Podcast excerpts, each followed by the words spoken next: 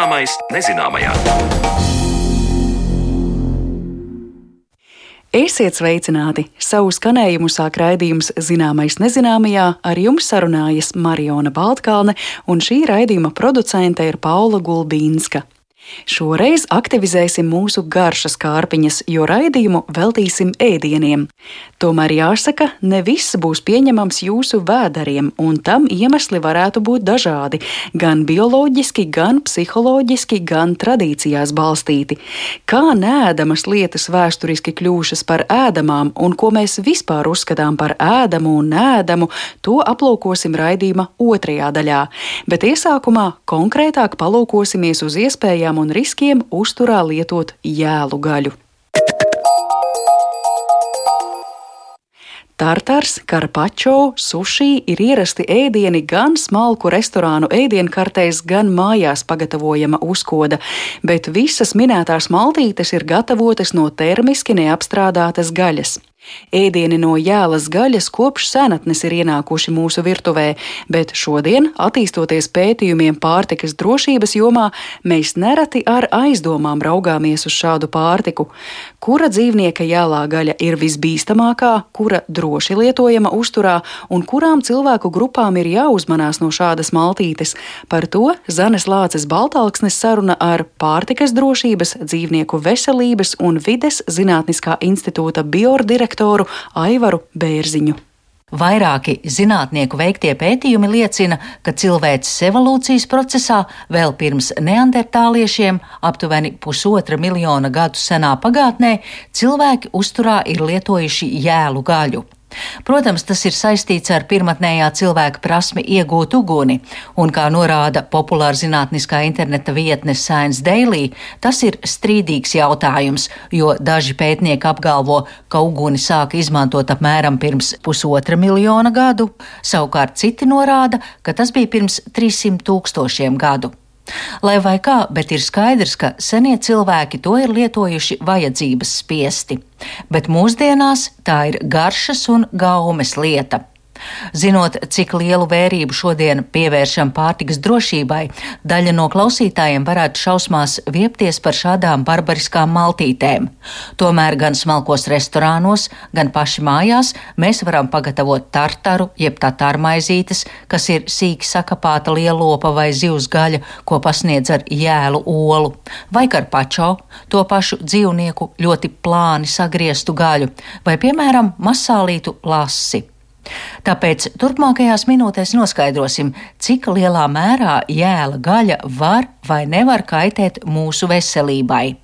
Par to stāsta pārtikas drošības, dzīvnieku veselības un vidas zinātniskā institūta biodirektors Aivars Bērziņš pats svarīgākais priekšnosacījums tam visam, lai gaļa būtu kvalitatīva. Tas ir viens, un arī otra puse, lai gaļa būtu higiēniski iegūta, un tas ir ļoti svarīgi zināt arī tajā brīdī, kad dzīvnieks tiek kauts un tad iegūta šī gaļa.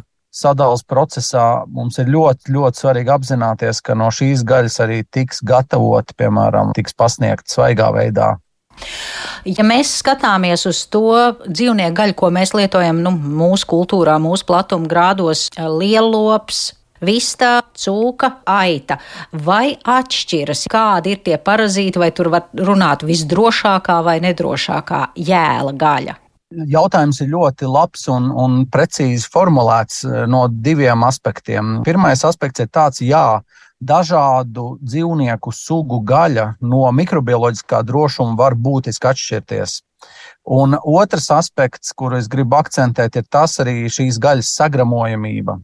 Ja mēs paskatīsimies arī no gaļas morfoloģijas, eh, tad, eh, protams, ka mums aitas ģēra gaļa būtiski atšķirsies arī no, piemēram, putna gaļas struktūras un arī cūgaļas struktūras. Tajās gaļās, kā aitas un, un arī lielo, būs stipri vairāk arī saistaudu, un viņi būs arī sagramošanas ziņā salīdzinoši grūtāk, tāpēc arī doma ir par šiem tartariem, kurus sasmalcina un tam līdzīgi. Tā kā tas būtu tas no sagramojamības viedokļa, tad mums visbiežāko svaigā vai jālā veidā mēs varētu izmantot karpačo veida smalkas šķēles, kuras ir viegli sagramojams, vai attiecīgi samalta vai sakapāta cūgaļa kaut kādā tartara veidā uz maizītēm. Tas būtu tas mehāniskais skaidrojums, bet otrs daudz būtiskāks ir mikrobioloģiskais skaidrojums, kur gan es ieteiktu izvairīties vai patiesībā nelietot uzturā, kā piemēru svaigu putna gaļu. Svaiga putnu gaļa ir pēc savas būtības pakļauta dažādiem citiem audzēšanas procesā, gan kaušanas laikā, tādiem mikrobioloģiskiem apdraudējumiem vai tādām baktērijām, kuras pat nelielā skaitā mums var izraisīt smagas caurējas vai gastrointestinālus traucējumus. Kā piemērs to varētu minēt kā kampilobakteriju un salmonellu. Šīs baktērijas salīdzinoši daudz biežāk tiek atrastas putnu gaļā, kampilobakterija, protams, vēl biežāk. Un tāpēc mums ir jāpatur prātā, ka putnu gaļa ir tā, kura ir no mikrobioloģiskā apdraudējuma viedokļa stipri, stipri bīstamāka. Tāpēc putnu gaļu svaigu nekādā gadījumā es neieteiktu lietot uh, uzturā. Vienmēr mēs cenšamies to izmantot uh, termiski apstrādātu. Otra tēma ir, uh, ja mēs skatāmies, uh, nu, mēs saucam arī tā tautas valodā sarkanā gaļa, kas būtu lielopa un cūgaļa. Šajā gadījumā, protams, šo gaļu varētu izmantot uzturā arī svaigu jēlu. Šie mikrobioloģiskie apdraudējumi salīdzinoši būtu mazāki pie nosacījuma, ja šī gaļa ir iegūta kvalitatīvi un higiēniski, un arī kautuve un arī sadals cehi vai uzņēmumi, kur darbojās, viņi darbojas ļoti uzmanīgi un akurāti, lai šī gaļa varētu tālāk tikt izmantota jēlā veidā. Šis ir ļoti, ļoti būtisks faktors, jo katra manipulācija palielina mikrobioloģiskā piesārņojuma apjomu un risku. Un uh, tur mums ir tādas baktērijas kā verotoksikogēnie E. coli vai zarnuiņas, kā arī tā skaitā salmonella. Arī, ja mēs runājam par cūgaļu, tās ir ģersīnijas. Ja mēs skatāmies Ziemeļa Eiropā, Baltijas valstīs, ģersīnijas ir viena no visbiežāk sastopamajām patogēnajām baktērijām, piemēram, cūgaļā. Līdz ar to mums ir ļoti svarīgi zināt arī šī dzīvnieka novietnes nu, bioloģiskā drošuma status, ja tā mēs varētu teikt. Un tad mums ir ļoti arī, protams, jāņem vērā, ka šī baktērija var atrasties cūgaļā. Jūs pieminējāt, es sapratu, tas augstākais risks ir putna gaļa, bet ļoti bieži restorānos vai arī receptēs, ja mēs runājam par šīm tatāru maizītēm, jeb tartaru, šis tartars ir malta lielopa gaļa ar jēlu olu. Lūk, šī kombinācija kāda ir. Tā ir tradicionāla recepte un ļoti laba. Es teikšu, atklāti, tas ir viens no maniem mīļākajiem ēdieniem. Un uh, ir divas lietas. Ir uh, restorānos parasti pasniedzot šādas tartāras, ir divi aspekti. Pirmais, runājot par gaļu gaļai restorānos, kuru viņi iepērk, nu, vismaz labā restorānā, vienmēr dzelžains likums būs gaļas izsekojamība. Speciālistiem, profesionāļiem vienmēr svarīgi, no kurienes šī gaļa ir iegūta. Viņi ir izsekojami arī no drošuma viedokļa, no higiēnas viedokļa. Un tad šis lielais gabals nonāk profesionāļu rokās virtuvē, no kur tiek gatavots tartars. Tātad, respektīvi, cilvēks, kurš gatavo tartaru, viņam vai viņa uzņēmumam, restorānam ir, ir jāapzinās un ļoti skaidri jāzina gan gaļas izcelsme, gan no kurienes kā viņa ir iegūta, kā viņa ir uzglabāta un kā ar viņu apējās konkrētā restorānā vai gaļas sagatavošanas vietā. Un, ja tas viss tiek darīts akurāti, higiēniski un pareizi, pie pareizām temperatūrām, pareiziem tīriem instrumentiem, dēļiem, vispārējā tas ir droši un, un pārliecinoši, un to var izmantot.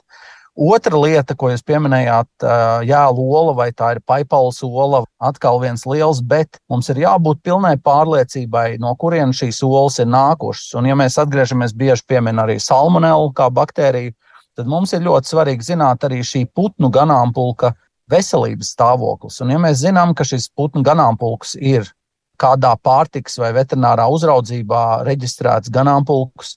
Ja mēs zinām, ka šo putnu veselības stāvoklis vai tie putni ir brīvi no salmonēlas, un ja šīs olas arī tiek izmantotas tālāk un pareizi uzglabātas, mēs varam būt droši un baudīt šo smalko, ļoti eleganto ēdienu. Tātad tā, tā savalkot kopā, tā ir izaivielu izsekojamība, tā ir drošuma lietas, tās ir temperatūra, higiēna, kas tiek ievērota.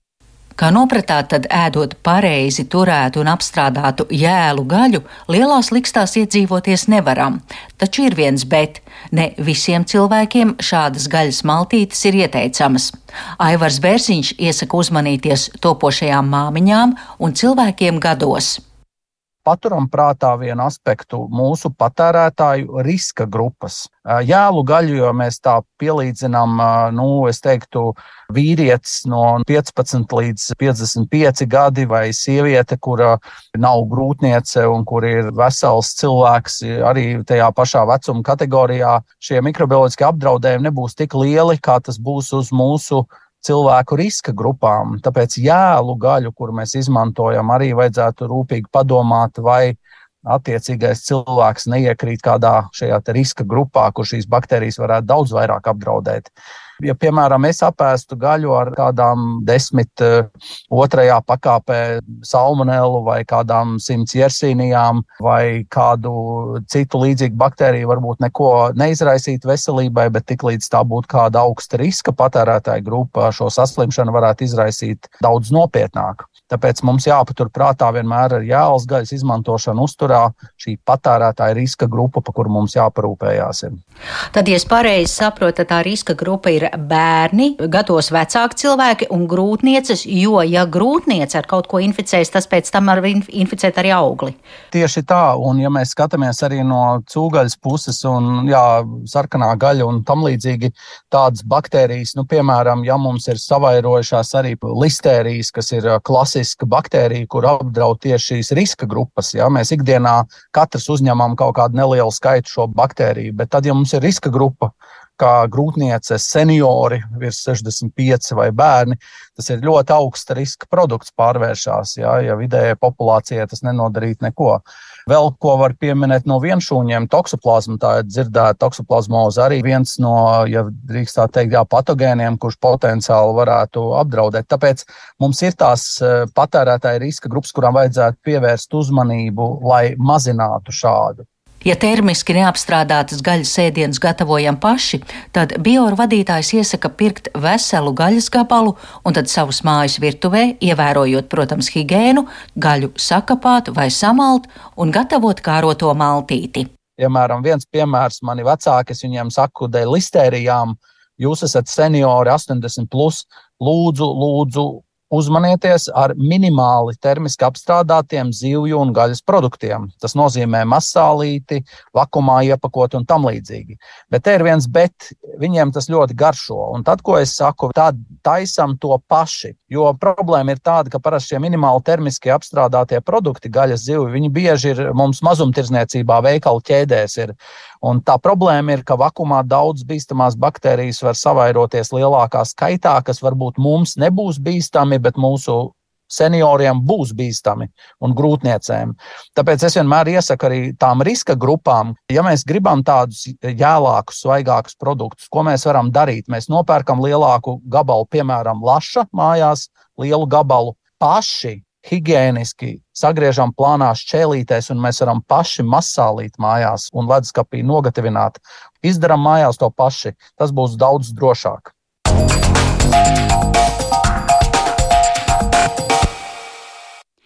Paldies Zanai Lācei Baltāksnei! Dzirdējām stāstu par to, kam un no kādas jēlās gaļas lietošanas uzturā būtu jāuzmanās. Bet pēc brīža izvērsīsim plašāku sarunu par to, kas ir ēdams, kas nēdams un kā nēdamais dažkārt var pārtapt iecienītā maltītē.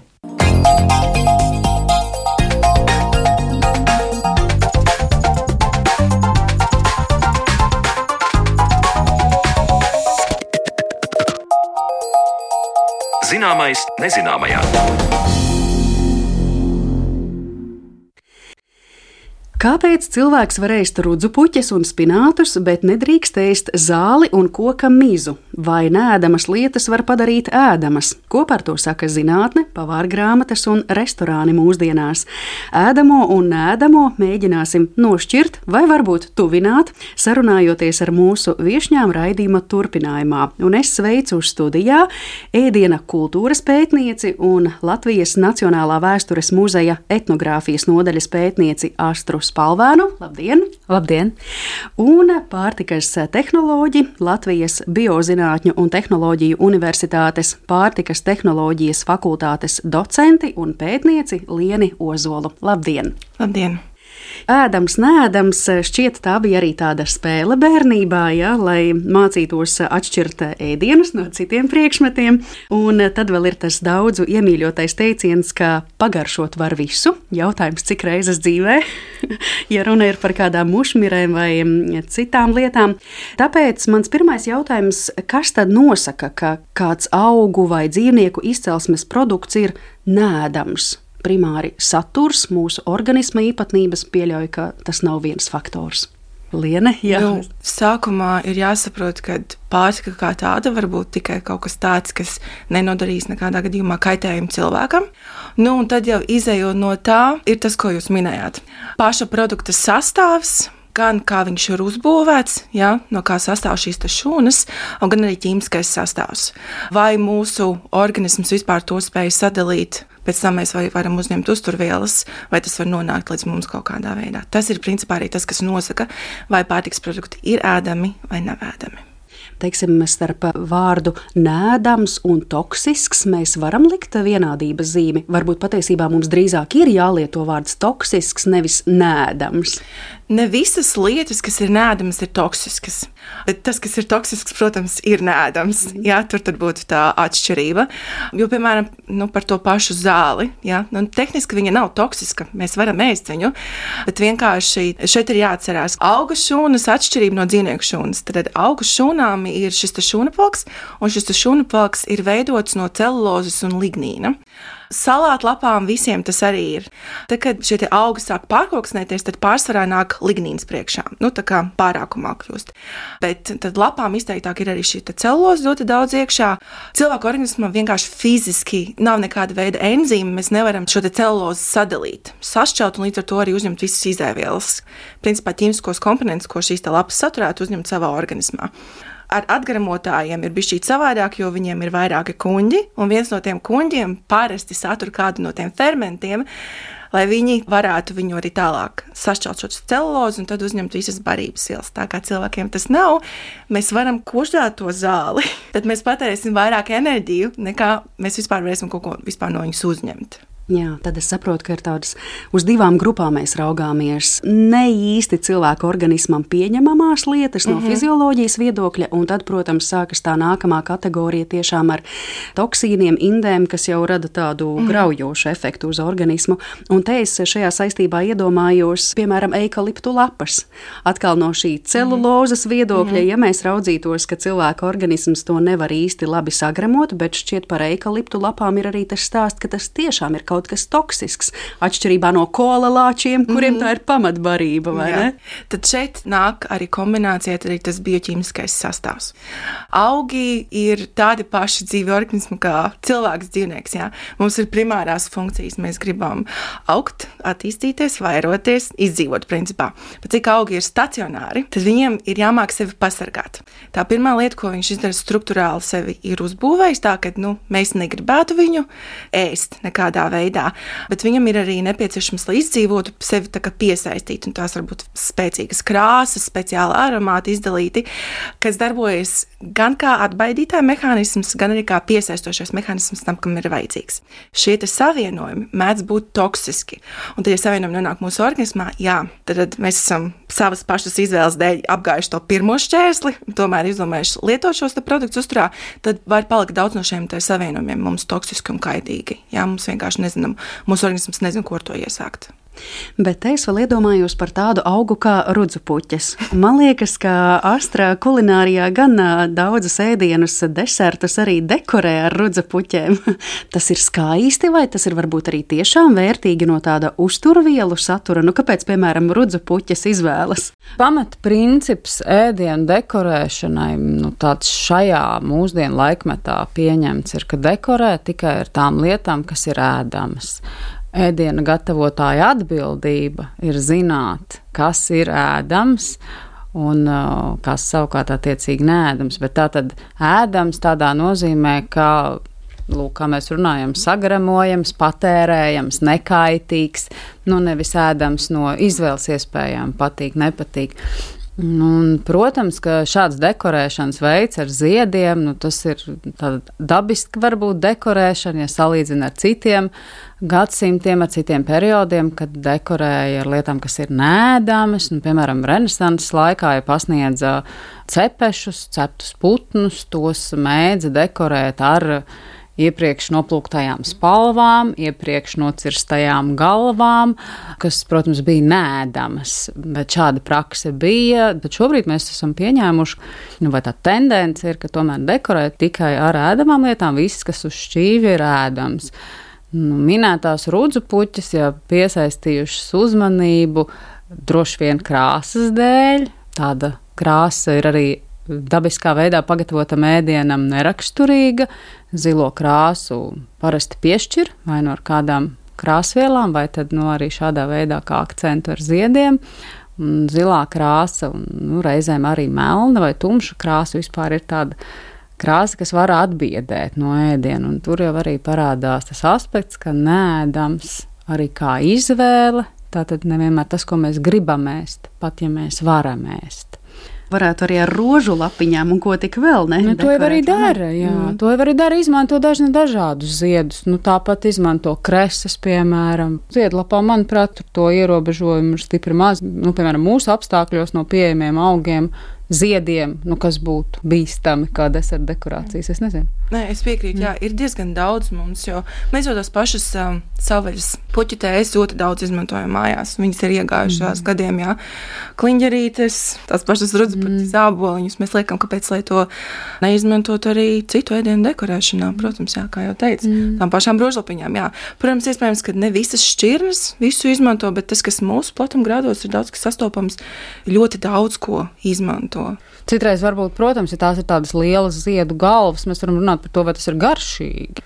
Nu, tas varētu būt cits aspekts, nu, piemēram, samtena, kas droši vien ir mm. ēdama. Nu, nevis droši vien, bet ir ēdama, bet, ja jūs noliekat, nodekorējat tortu tādām samteņu galvām, mm. nu, diez vai, teiksim, tas vēlamais efekts būtu sasniegts garšas ziņā.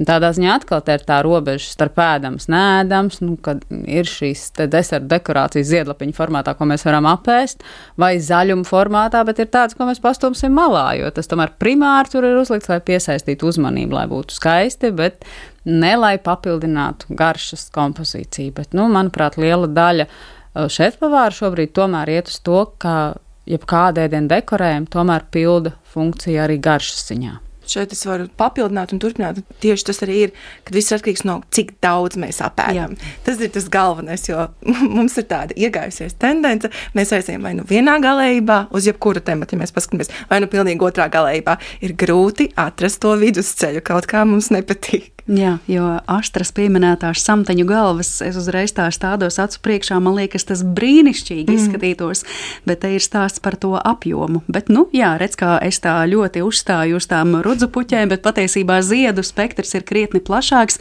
un lielu skādi cilvēka kuņģim neizdarīs arī rožu ziedlapiņas un samteņu ziedlapiņas jautājums, cik daudz, protams. Bet, ja mēs vēl runājam par šo ēdams, nēdams, mēs eh, nošķīrām šo eh, fizioloģisko daļu un to toksisko daļu, bet šķiet, ka cilvēku prātos tas vārds nēdams varētu saistīties ar to, ka es vienkārši ar prātu īsti nespēju pieņemt, ka tas būtu kaut kas apēdams. Ja? Un te es iedomājos, piemēram, par šī brīža ļoti izteiktu tendenci pārtikas tehnoloģijā ir šie kukaiņu pulveru saldumi un eh, citi produkti. Tā ir tāda vesela industrija, kas attīstās, tad sanāk, ka tas viss ir lietojams, bet kaut kādu iemeslu dēļ mēs vienkārši psiholoģiski negribam pieņemt, ja? kā ir lieta. Jo es zinu, ka jūsu universitātē tas izteikti attīstās. Jā, mums, protams, tas attīstās. Piemēram, Latvijā jā, mums primārais un pirmais ir tas, ka mēs nevaram tikt pāri tam estētiskajam. Tas taču ir kukainis. Citās tautās, it sevišķi Āzijas pusē, Kukaiņu lietošana uzturā ir absolūti normāli. Tas nav nekas neierasts, viņi ar to ir sadzīvojuši. Mums tas nav tik ļoti ierasts Eiropā, mūsu platuma grādos.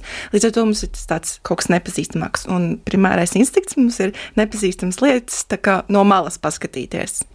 Vēsturē jau droši vien ir vēl bijušas daudzas citas lietas, kas uh, ir sākotnēji bijušas nēdamas, bet kaut kā cilvēki ir iemācījušies tās lietot uzturā. Un, nu, varbūt kukaiņi ir viens, bet tās pašas varžu kājiņas, vai ne, kas varbūt sākotnēji ir šķitušas nēdamas un vēlāk kļuva par delikatesi. Kā tas ir attīstījies, kādi faktori ir sekmējuši to, ka kaut kas, kas mums sākumā šķiet atbaidošs, nē, es kaut ko tādu noteikti mutē nelikšu, kā tas laika posms aiziet līdz tam, ka mēs to liekam uz šķīvi kā, kā delikatesi.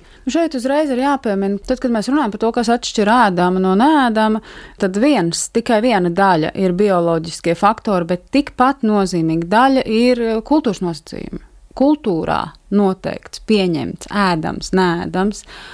Un, ja mēs sākam tā no pašiem pamatiem, tad uh, bieži tas var būt saistīts arī ar atšķirībām starp kopienām.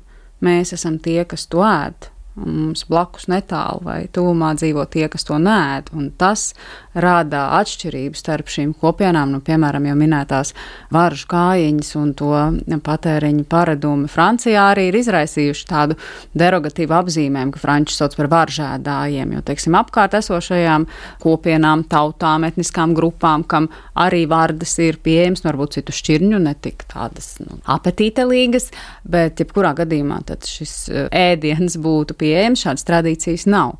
Kā tas kultūras nošķīrums veidojās? Un tas ir arī ļoti plašs un sarežģīts stāsts, jo šeit tiešām ir būtiski paturēt prātā, ka tas, kas mums šķiet nepieņemams kultūrā, nenozīmē, ka tas ir nēdams. Un tas pat var būt kaut kas ļoti labs, vajadzīgs un veselīgs, bet mums nav tās tradīcijas to ēst. Reizēm tie var būt tādi arī tīri simboliski apsvērumi. Nu, ja, piemēram, mēs domājam par to, ka mums ir stārķi vai gulbi, ko mēs nēdam. Bet, nu, piemēram, gan Renesansē, gan arī vēlējos viduslaikos šie putni tikuši ēsti. Nu, kādēļ? Nē, un gan lielie putni, gan dziedātāji putni ir Eiropā patērēti. Arī Latvijā ir bijušas gan vārnas ēstas, gan baloži. Un šobrīd mēs to vairs nedarām. Un mēs šiem uh, putniem piešķiram nu, tādu simbolisku nozīmi. Mums ir stārts, mums ir svētelis, gulbis, mums ir nu, tāds romantikas simbols, mums ir miera balodis. Tādā veidā arī veidojas attieksme pret uh, dzīvniekiem, pret putniem. Un mēs tos sākam iedalīt, piemēram, mājas mīluļos, suņos un kaķos, ko mēs ēdam, vai, piemēram, trušos, kas ir tikpat pūkaini un mīlīgi, bet tomēr ir ēdami. Tā ir viena tāda lieta, bet otra lieta tāda, ka vienmēr šiem kultūras nosacījumiem ir vai nu pamats, vai vismaz saistība ar racionāliem apsvērumiem. Nu, kāpēc mēs kaut ko nēdam? Nu, ja jūs iedomājaties to brīdi, kad cilvēku pārtikai ir pieejami tikai savvaļas dzīvnieki, tad, protams, nu, ko es varu noķert, to es ēdu.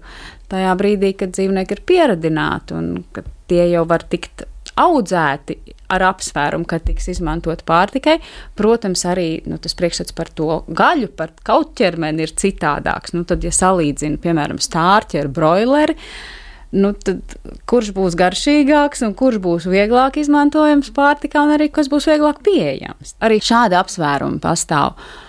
Un, protams, ka šie priekšstati ir laika gaitā mainīgi, un uh, mainīgi, piemēram, klimata izmaiņu ietekmē. Nu, tas daudz, kas, ko mēs redzam šobrīd, arī tad mums jāmaina ir proteīna avoti un jādomā par tādiem gan ekonomiskiem, gan sociāliem apsvērumiem. Es domāju, nevienlīdzību, nu, tādā ziņā sociālajiem apsvērumiem. Bet uh, mēs varam arī iemācīties kaut ko ēst. Tāds apzīmējums, ko Latvijas varētu tulkot kā iemācītā garša, mainoties apstākļiem gan klimatiskiem apstākļiem, gan arī individuāliem apstākļiem. Cilvēks sāk ēst kaut ko citu, pierod pie tā, un tas viņiem garšo. Nu, tāds nesens piemērs ar Latviju 90. gados, kad mainījās tas mūsu racions, kas mums bija ikdienā pieejams. Par vīnu tika uzskatīts salds dzēriens, Un tam pretstats bija skābie vīni, kas visiem negaršoja un lika saviepties. Nu, tad eh, šobrīd jau mums tā klasifikācija pavisam cita, un mēs citādā veidā domājam par garšām. Uh, vai, piemēram, pirmās olīvas, vai pirmās garneles, pirmās mīdijas, kas mūs uztrauc tāpat kā kukaiņi, kas mm. ar acīm skatās mums pretī no šķīvja, un nu, kādas tik nebija tās sajūtas, ko cilvēkiem izraisīja šie pilnīgi nu, tādi neredzētie produkti, un šobrīd mēs, protams, esam savu attieksmi mainījuši. Tā kā tās uh, sajūtas, ko mēs redzam, mēģinot sev nošķirt, tas ir ēdams vai nēdams, ir gan kultūras noteikts, bet varbūt arī individuāli patika un nepatika, mm -hmm. kas kam šķiet nepieņemams.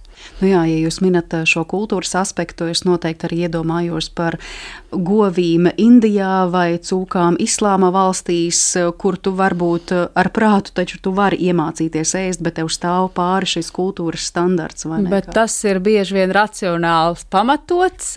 Nu, teiksim, tas var būt veselībai kaitīgi, nepieņemami klimatā. Tur teiksim, kaut kāda arī gremošanas enzīme var būt atšķirīga dažādām tautām, atkarībā no tā, kur viņi dzīvo. Un tad, attiecīgi, tas, ko nebūtu vēlams ēst, tas tiek tabuizēts. Jo tā mums ir vieglāk iemācīties. Šo nevajag ēst. Nu, teiksim, gan tautas dziesmas, gan apzīmēm arī ir tāda vecāko pauģu zināšanu nodošana. Nu, mēs, piemēram, nosaucam sēni par mušmiri. Lai būtu skaidrs, ka to nevajag katrai paudzei pagaršot, un tad izsacināt to ēst nevajag. Mums jau nosaukums - vēlna beka, žults beka. Mm. Jau sēņu nosaukumos ir iekodēts šis te to nevajag ēst. Un, protams, caur reliģiskiem aizliegumiem, caur tabū, caur šādu arī folkloru. Arī nododam zināšanas par to, ko iepriekšējās paudzes ir pārliecinājušās, ka to ēst nevajag. Mm. Starp citu, vēl viens aspekts, kuru Astrījus mazliet jau iezīmējāt, ir tiešām par visu cilvēku gremošanas traktiem.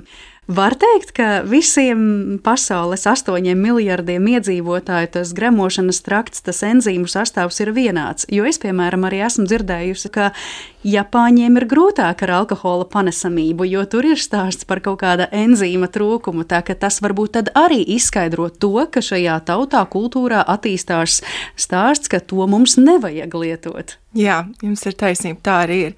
Man personīgi vienmēr patīk teikt, ka katra cilvēka gremošanas sistēma ir gandrīz tikpat unikāla kā viņa pirkstu nospiedums. Un it sevišķi, ja mēs skatāmies pa tautām, dažādām, un tiešām, jā, Āzijas pusē ļoti daudziem tajā galā dzīvojušiem cilvēkiem, viņiem ir bija šī caurā gremošanas sistēma, viņiem tiešām lielākajai daļai iztrūkst šis enzīms, lai alkoholu pārstrādātu. Jā, viņiem līdz ar to lielākā vai mazākā mērā var veidoties kaut kāda pretreakcija. Tas pats ir saistīts arī ar cita veida pārtiks produktu pārstrādi, ja? jo tas jau nedaudz ir ģenētiski viņu sistēmā nostiprinājies. Tur, kur mēs esam uzauguši, tā pārtika, kas mums ir pieejama, mūsu organisms ir pieredzējis viņu pārstrādāt, un tas ir tas, ko mēs uzturā varam izmantot. Ja? Tā ir kā nav problēmas. Mūsdienās ir tā, ka mēs ļoti daudz ceļojam. Jau vairākiem desmitiem gadu iepriekš mums ir notikusi šī tautu migrācija. Mums nav tikai vienas nacionalitātes ģimenes, mums ir dažādas. Jā. Līdz ar to ir veidojušās jaunas paudzes, tad mēs pārnēsājam šos gēnus no viņiem. Un tajos arī ir ierakstīts to, kādu pārtiku varbūt mēs varam uzņemt. Vai mūsu organisms to atpazīs vai nē. Arī dažāda veida citi sociālie apstākļi, kā mēs dzīvojam, cik tīri vai vispār pie kā mēs esam pieraduši. Arī tas ietekmēs to, kāda veida pārtiku mēs varam uzņemt un kā mūsu organisms pret to reaģēs. Tāpēc jā, mēs neesam vienādi. Vietā mhm. piebildu arī par migrāciju. Mm. Tas arī ir ļoti nozīmīgs faktors, mainot dzīvesvietu dažādu iemeslu pēc. Mēs tiekam konfrontēti ar jauniem produktiem. Mm. Un tad ir jautājums par to, vai mēs to varam pieņemt atkal gan bioloģiski, gan uh, no tāda kultūras viedokļa.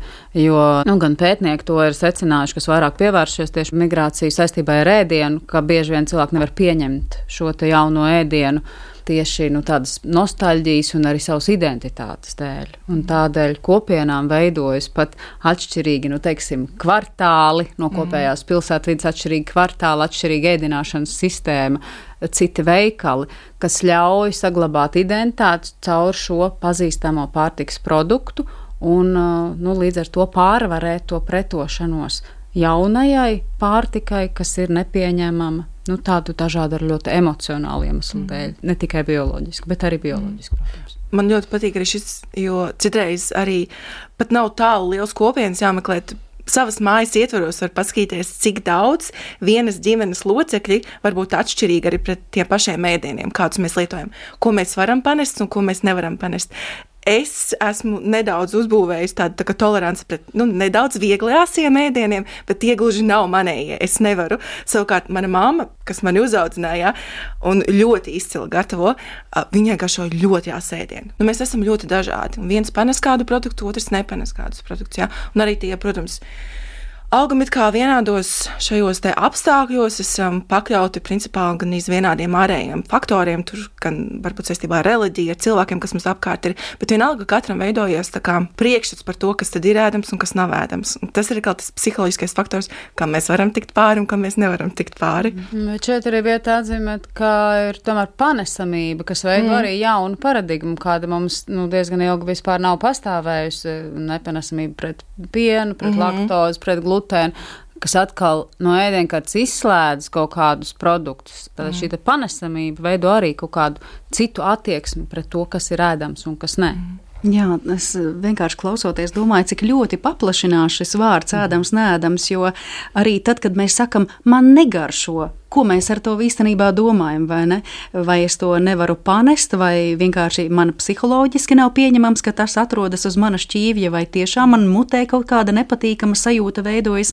Bet vēl ja atgriežamies pie tādiem vēsturiskajiem aspektiem par to, kā tas mainījās un kā cilvēki iemācījās varbūt kaut ko šķietami nēdamu padarīt par ēdamu, jūs minējāt migrāciju. Es pieļauju, ka kara darbība jau arī droši vien to sekmēja, vai ne? Jo kara darbības apstākļos pār pārtikas uh, trūkums. Pārtikas krīze. Pārtikas krīze, vai ne? Kā pārtikas krīze, tie ir tāpat neražas periodi. Jā. Uh, karš arī piespiedu pārcelšanās, kas maina šo ierasto ēdienkarti un liek kaut ko ierastu, aizstāt ar kaut ko svešu, izmēģināt, saprast, cik tas ir derīgs un cik nē. Nu, mums Latvijā kāds viens no tādiem ļoti dramatiskiem periodiem ir 18. gadsimts, 19. gadsimts. 19. gadsimta sākums, jo īpaši, kur ļoti liela nozīme bija maizei, kā tādam pārtiks pamatam.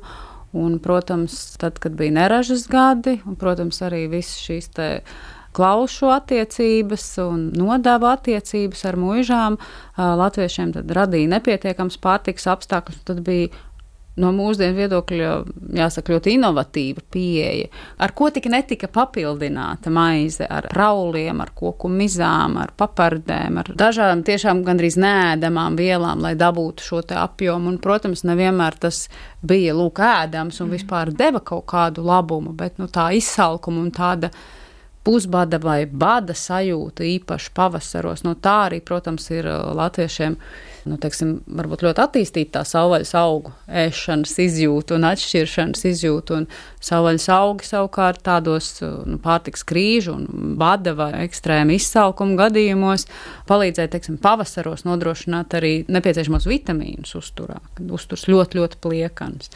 Nu, tad, protams, ja mēs tā vēsturiski skatāmies, tad eh, pēc šīm maizes krīzēm glābiņš bija kartupeļi, bet kartupeļi arī netika pieņemti uzreiz, kartupeļi izraisīja ļoti lielas aizdomas. Un, un tos sauca par vēlnāboliem. Tos mēģināja atteikties, atturēties, nepieņemt. Nu, beigās tas izrādījās glābiņš šīm ekstrēmajām situācijām un faktiski kļuva par tādu otro maizi mūsu virtuvē.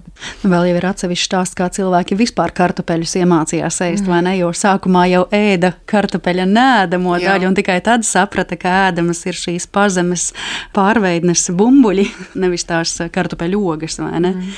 Kartupels nav vienīgais no tiem augiem, ko mēs tagad no tiem pazemes bumbuļiem mētam mm. mūsu platumgrādos, kas šobrīd ir atkal nācis atpakaļ. Es tagad nesen biju Igaunijā, un tur arī ļoti viņi ir atgriezušies atpakaļ pie saknēm. Ir tāds augs, ko sauc par topinambūri. Aug uz vēl paraušanu. No viņa tikt vaļā ir ļoti grūti. Jā. Pārsvarā mazdārziņos, kuri palicis ar omēm un tantēm, ir tiem skaistajiem ziediem. Viņi diezgan augsti ir paši augi ar tādām skaistām celtenām ziedgalvām, bet tad ir rādama arī tā sakņu daļa, tie bumbuļi ir rādami. Ja? Viņi tur arī šobrīd ir daudz un dažādas šķirnes, dažādās krāsās, ar dažādu bioķīmisko sastāvu un arī ar garšu variācijām.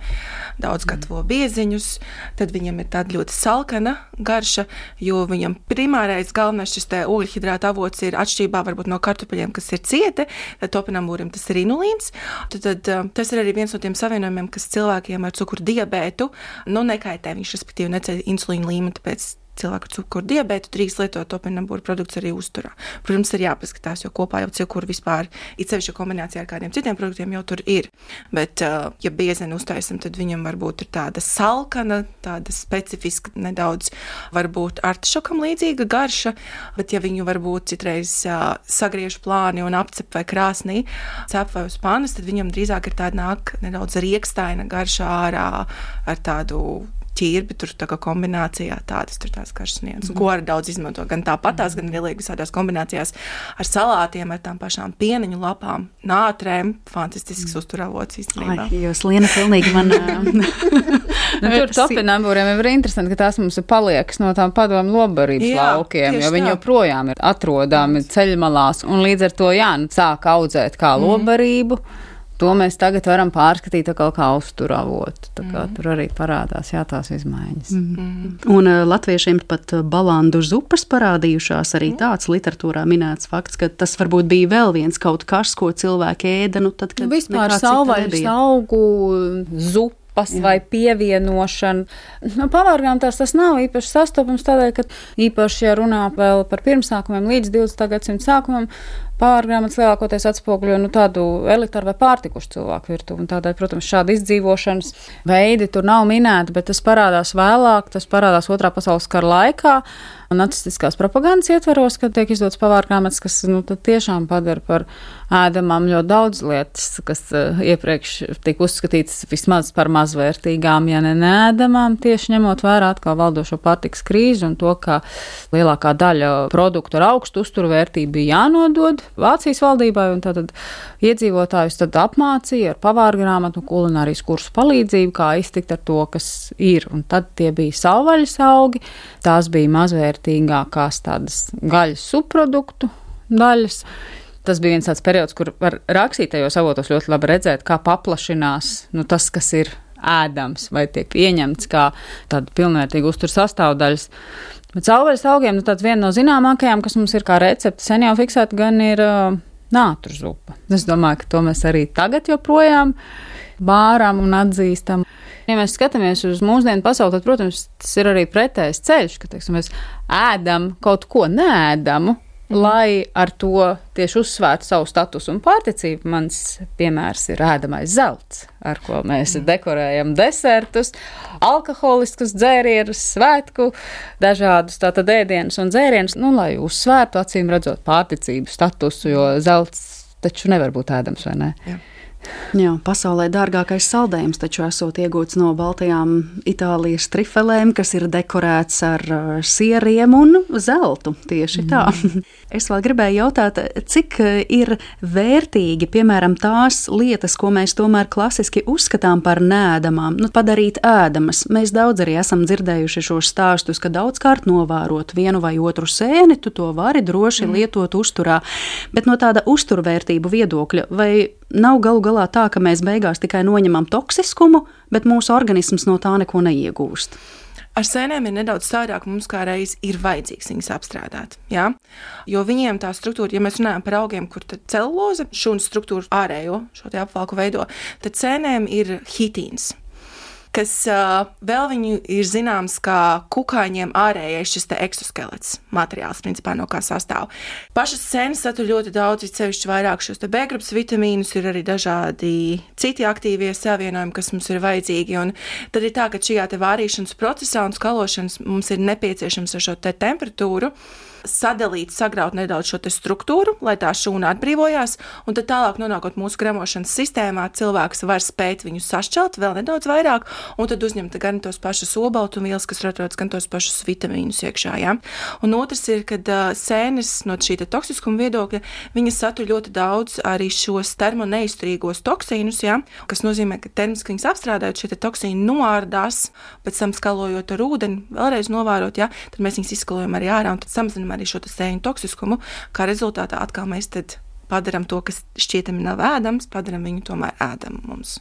Te es vienkārši iedomājos, cik daudz laika cilvēks ir gatavs veltīt tam, lai tādas nu, tiešām sēnes ar lielu toksīnu daudzumu panāktu derīgas savam organismam, ja tajā pašā laikā ir citas sēnes, kuru sagatavošana neprasa tik daudz laika. Sēnes ar lielu toksīnu daudzumu mēs neieteiktu lietot uzturā. Mm. Mēs jau zinām, tās visticamāk ir tās, kas nav ēdamās, tās, kas ir tās intīgās, jā. Un ja mēs nemākam pagatavot sēnes vai tādus nu, produktus, tomēr tad būtu nepieciešams. Vai ogas? Nu, vai ogas, jā, kas ir tādas mazāk pazīstamas, tad varbūt pakonsultēties ar kādu, kas to ir pirms tam darījis, un pamācīties. Tur tā kā izlasīt pāris rakstus internetā. Varbūt, ka nebūtu tas pats labākais, jo tad tiešām var teikt, es ar to vienu reizi varu pagaršot. Jā, visu. Tad, nu, varbūt, kad neriskēt, jā. Un tad arī nav saprotams, kam jūs to dosiet. Viena lieta, ja to ēd. Nu, it kā šķietam vesels organisms, bet mums ir tās mazāk aizsargātās patērētāja grupas, kas ir mazi bērni vai zīdaiņi, jā, un arī pensionāri vai cilvēki ar novājinātu imunitāti vispār, kuriem ir kaut kādas veselības problēmas, jā, tad mums arī jāskatās, kam mēs dodam šo produktu. Jo tad ne visi var būt mainīgi. Mm. Varēs to pēc tam uztvert. Jo atkal koncentrācija, apjoms, kā mēs pareizi sagatavojam, ir tie atslēgas vārdi šajā gadījumā. Jā, un atstāt to zinošu pavāru ziņā smalkos restorānos, kuri zinās, cik reizes tas ir jānovāra. Arī dzirdēts stāsts par kādām retām zivīm, kuru organismi arī satur mm. toksīnus, un tas ir daudzkārt jāpagatavo, un ja tu to mm. darīsi mājas apstākļos, nu tas viss arī beigsies ar vienu pagaršošanas reizi. Mm. Sarunas noslēgumā es gribētu pieskarties eh, tam, ko mazliet jūs jau arī skārāt šīs klimata pārmaiņas, migrācijas, kā tas maina mūsu uzturu. Kā jūs raugāties, vai pārtikas nozare, mūsu pavāra grāmatas, mūsu ēdienkartes eh, nākotnē vēl aizvien paplašināsies, pagarināsies, un kāpēc vispār būtu svarīgi kaut ko tādu izvērst? Kādas ir tendences? Par kukaiņiem mēs jau runājām, tas ir tāds jauns starts. Ja? Nu, to, vai kaut kas nākotnē mainīsies ar pārtiku, es jums varu simtprocentīgi apgalvot, ka mainīsies. Visu laiku kaut kas mainās. Gan arī mūsu reglamentējošās instances kaut ko maina. Mēs skatāmies, kas ir tā atkal nu, tā paša, kas ir droši, kas mums nav droši ir jāņem vērā tas, ka aug kopējais iedzīvotāju skaits uz šīs planētas. Mums mainās arī resursu pieejamība. Kaut kādas rezerves ir iznīcinātas, kaut kas iet uz tām beigām. Mēs sākam domāt arī par tiem pašiem ētiskiem, estētiskiem jautājumiem, kas mums šķiet pieejami, kas mums nešķiet pieņemami, kurš kam var tikt pāri. Un meklējam šīs alternatīvas. Ir mainījies arī tas, kā mēs ikdienas mūsu rutīna, kā mēs strādājam. Mums nav tā pati ēdienkarte, un noteikti nevajadzētu ieturēt tādu pašu ēdienkarte, kā to darīja mūsu centēvi pirms tam. Mums nav tas darbs, ko mēs ikdienā nodarbojamies. Reti kuram ir tāds, ka mēs ceļamies četros no rīta. Varbūt ēdam, varbūt nēdam, bet sēžamies traktorā vai ejam drīzāk uz to lauku un strādājam. Tad līdz, atkal, laikam, līdz pusdienas laikam, kad mums tā pirmā īstā ēdienreize bija mūsdienas ir pilnīgi savādāk. Līdz ar to mēs esam arī izmainījuši pašu savu fizioloģiju, ir mainījies, kā mēs uztveram pārtiku, arī tas apjoms, kādā mēs vispār viņu patērējam. Un, diemžēl tā sliktā puse ir tas, ka uh, mēs tiešām mums ļoti daudz aiziet uh, pārtiks atkritumos, gan no iepakojuma, gan arī no pārtiks izēvielām. Un tad ir šī puse, ka mēs skatāmies, šobrīd ir tās tendences jau vairākus gadus, un tagad arī ļoti aktuāli ir to augu esam izaudzējuši, tad iegūt maksimāli, ko no viņas varam izdarīt. Jā. Iegūstam kaut kādas primārās pazīstamās lietas, tur varbūt no augļiem logām dažādas sulas, biezeņi, jā, ievāriem, ja tur, ja tur kaut kas paliek pāri, piemēram, sula ražošanā kaut kāds spirtpaliks. Ja? Tās varam sagatavot varbūt pulveros, un viņi ļoti bieži uh, ir ļoti labs šķirvielu avots. Tos varam ielikt citos produktos, papildināt, ielikt maizē vai citos nu, ēdienos, gatavojot. Ja? Vai atkal izmantot bišķīt tur saistās dziļāk jau tā kā zinātnē, un, bet ir uzņēmumi, kas to arī dara praktiski reāli, kad iegūst specifiskus savienojumus ārā šos izvelkumus vai nu pigmentus, ko mēs tālāk varam izmantot nu, pārtiks rūpniecībā vai garšu aromātu veidojošos savienojumus, kad tālāk nu, tā palaist. Tā ka tas tā viss vēršas plašumā. Visu laiku, jā, mēs meklējam laiku kaut kādas alternatīvas, un man liekas, ka šis laiks mainīsies. Vēl viens aspekts, ko var formulēt šajās izmaiņās, ir tas, ka varbūt pirmo reizi vēsturē mēs sākam domāt nevis no tās perspektīvas, kā tas, ko es apēdu, ietekmēs mani, vai es esmu pāēdis, vai man garšo, vai es uzņemu nepieciešamās uzturvielas, vai šie produkti ir pietiekami tīri, restīvi, ko man dos šis ēdiens. Bet mēs sākam domāt arī par to, ko ar savu ēdienu, kā ar savu ēdienu izvēli. Es ietekmēju -hmm. apkārtējo vidi, es ietekmēju planētu kopumā, es ietekmēju sabiedrību, un ko es varu pateikt ar šo ēdienu izvēli, kādas vērtības es varu pārstāvēt, par ko es balsoju ar savu ēdienu izvēli. Mm. Man šķiet, tā ir ļoti nozīmīga paradigmas maiņa šodien. Paldies jums abām, ka patiesībā paplašinājāt šo stāstu no tādiem vienkāršiem terminiem līdz daudz, daudz globālākam apmēram, liekot arī aizdomāties tiešām, ko mēs katrs liekam uz sava pusdienu šķīvja un ko mēs arī izvēlamies lielveikalā.